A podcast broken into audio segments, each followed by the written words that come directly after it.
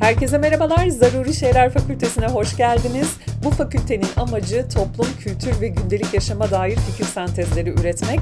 Beni fakültenin sözcüsü olarak düşünebilirsiniz. Normalde ben bir akademisyenim ve burada anlatacaklarımı uzun yıllardır çeşitli üniversitelerin iletişim fakültelerinde anlattım ve anlatmaya devam ediyorum. Bu podcast yayını kürsü sorumluluğunun genişletilmiş versiyonudur. Keyifli dinlemeler. Hala 6 Şubat depremlerinin neden ve sonuçları ile ilgili büyük mücadele veriyoruz. Dernekler, kurumlar, üniversiteler, gönüllüler, öğrenciler, hatta bazı üniversitelerin rektörlük ofisleri bile sahada şu anda. Herkes kendince olağanüstü bir çaba gösterdi bu süreçte göstermeye de devam ediyor. Deprem bölgesine her gidenden aynı şeyi duyuyoruz. Diyorlar ki mahşer yeri gibi oralar. Medyadan bir kısmını görebiliyoruz tabii ki. Sosyal medyadan özellikle Twitter'dan çok daha güncel bilgiler alıyoruz. Bu bir gerçek. Ama bir taraftan da yalan yanlış haberlerle yani infodemiyle mücadelemizde devam ediyor. Bu infodemiyle ilgili olarak bir bölüm gelecek planda var ama ne zaman onu bilemiyorum. Aşağı yukarı iki haftadır gündemi takip ederken bir duyguyu çok yoğun hissettiğimi fark ettim. İki haftadır yoğun bir şekilde utanıyorum. Evet utanma duygusu çok kişisel. Bazı istenmeyen veya hesapta olmayan durumlarda insan kendi adına utanır. Ama benim bahsettiğim bu tip bir utanma duygusu değil, başkası adına utanma duygusundan bahsediyorum. Bu duyguyu çok uzun yıllardır tanıyorum elbette ama ilk kez bu kadar yoğun olarak başkası adına utandığımı fark ettim. Ve acıyla da fark ediyorum ki devamında gerçekten dünyanın en yorucu duygularından biri. Hem çok saçma hem de çok pratik olarak Google'a yazdım. Yani ilk kez duygularımı internete sordum. Tabii ki üstün tarafsızlığıyla ilk sırada Wikipedia çıktı. Fakat farklı kaynaklara bakmak istedim. İnsanlar ne demişler, nasıl tanımlamışlar utanma duygusunu. Çok hoşuma giden bir tanıma rastladım.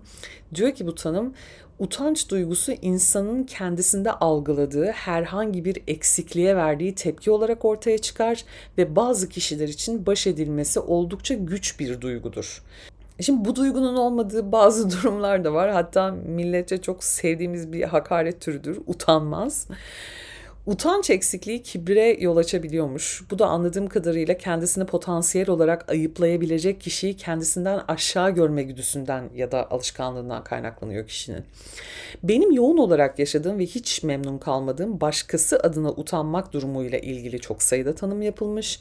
Ekşi Sözlük'te yapılan tanımlardan bir tanesi bir yazar arkadaşımız demiş ki benim hislerime tercüman olarak değil kendilerinin başkalarının bile yüzsüzlük, haddini ve çapını bilmezlik, ahlaksızlık, terbiyesizlik, müdanasızlık, aptallık gibi hallerine tahammül gösteremeyen ve hatta bunlarla başa çıkamayan bünyelerin davranış biçimidir demiş. Utanmak aslında kişide pişmanlık uyandıran bir davranışın tekrarlanmaması için kullanışlı bir duygu. Tabii utanmak için de çok temel belirli insani özelliklere sahip olmak gerekiyor. Örneğin ahlak gibi.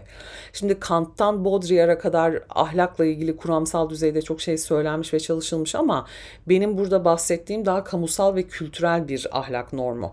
Ahlak konusunda bu kadar ahkam kesen bir millet olarak ahlaksızlığın çeşitli ölçülerine bu kadar sık tanık olmak da ayrıca ilginç. Bu ölçülerin hortumculuktan hayvanlara hallenme durumuna kadar çok geniş bir repertuarı var bizim ülkemizde ne yazık ki. En kitabi tanıma göre insanın doğuştan sahip olduğu veya sonradan edindiği tutum ve davranışların bütünü ahlak. Ve genellikle insanın iyi özellikleri güzel huylarıyla ilişkilendirilir hep. Bilmiyorum bilimsel bir dayanağı var mı ama ben utanma duygusuyla direkt ilişkili olduğunu düşünüyorum ahlakın. Bu konuda öneri vermek isteyen varsa fakültenin Instagram hesabından yazabilir bana. Bu aslında son derece çelişkili bir durum. Kültürel kodlarımız ahlakın iyileştirilmesi ya da güzel ahlak öğütleriyle dolu ama pratikte kimsenin ciddiye aldığı yok gibi. Yani sanki bin yıllık öğütler sadece sözlü kalmaya mahkum edilmiş gibi. Bu çok acı. Peki ben kimlerin adına utandım? Şimdi 6 Şubat'tan bu yana kendilerini kanaat önderi olarak görenlerin Twitter'da başkalarını hedef tahtası yapanların söylemlerinden çok utandım kendi ülkesinin insanına yardım edenlerin yine kendi ülkesinin insanı tarafından alaşağı edildiği için utandım. Başta Almanya olmak üzere tüm dünya tarafından kıskanılan büyük ülkemizin deprem bölgesindeki köylere erişemeyişi nedeniyle utandım. Deprem sonrasında günlerce bölgede yorgunluktan bitap düşene kadar çalışan gönüllülerin gelen nakdi yardımları hortumlamakla itham edildikleri için utandım. Twitter'da infodeminin kralı yapılıyorken defalarca teyit edilmesine karşın bir hata sonucu paylaşılan ve ardından hemen kaldırılan bir tweet için yemeden içmeden gönüllüleri adliyelere çağıranlar adına utandım. Göçük altındaki insanları arayıp dalga geçen, sonra da bu yaptıklarına hunharca gülen bir grup ergeni bu denli gayri insani yetiştiren zihniyet adına utandım. Senelerdir deprem geliyor diye kendilerini paralayan bilim insanlarını dinlemek yerine ekran kirletenleri tercih eden kamuoyu adına utandım. İnsana insanı yağmalatan bu çaresizliği bir sistem haline getirenler adına utandım. Deprem bölgesindeki kadınların hijyenik pede utandıkları için ulaşamayışlarına hatta dile dahi getiremeyişlerine sebep olan bunu da çok büyük bir başarı sayıp övünen ataerki zihniyet adına utandım. Yerel yönetim olan belediyelerin efendim sen yardım edemezsin diye ötekileştirilmelerine utandım bu başkası adına utanmak duygusundan da günlerdir kurtulamıyorum. Nasıl yapılır onu da bilemiyorum. Normale dönüş çağrıları yapan bir grup var. Hatta normale döndüklerini paylaşımlarıyla dolaylı olarak deklare eden bir grup var bu felaketin epidemik bir durum olmadığını ne zaman ve nasıl idrak ederler hiç bilemiyorum. Ama yeni normal bu. Yani bir deprem ülkesi olduğumuza göre önlemler üzerine düşünerek ve harekete geçerek devam edeceğimiz bir gerçeklik söz konusu. Ama bu önlem alma, harekete geçme konusunda bile insan gerçekten bazen hayrete düşüyor. Naci Görür Hoca çok uzun zamandır deprem ve önlem diye bağırıyor. 2000 yılından bu yana diyelim. Geçenlerde Twitter'da gördüm. Birisi Naci Hoca'nın attığı tweetin altına Hocam İstanbul depremi ne zaman olacak ve hangi semtler etkilenecek cevap verirseniz sevinirim yazmış. Ya buna gerçekten inanamadım. Yani hoca dese ki 4 Mart 2025'te olacak İstanbul'da da en sağlam yer Ambarlı.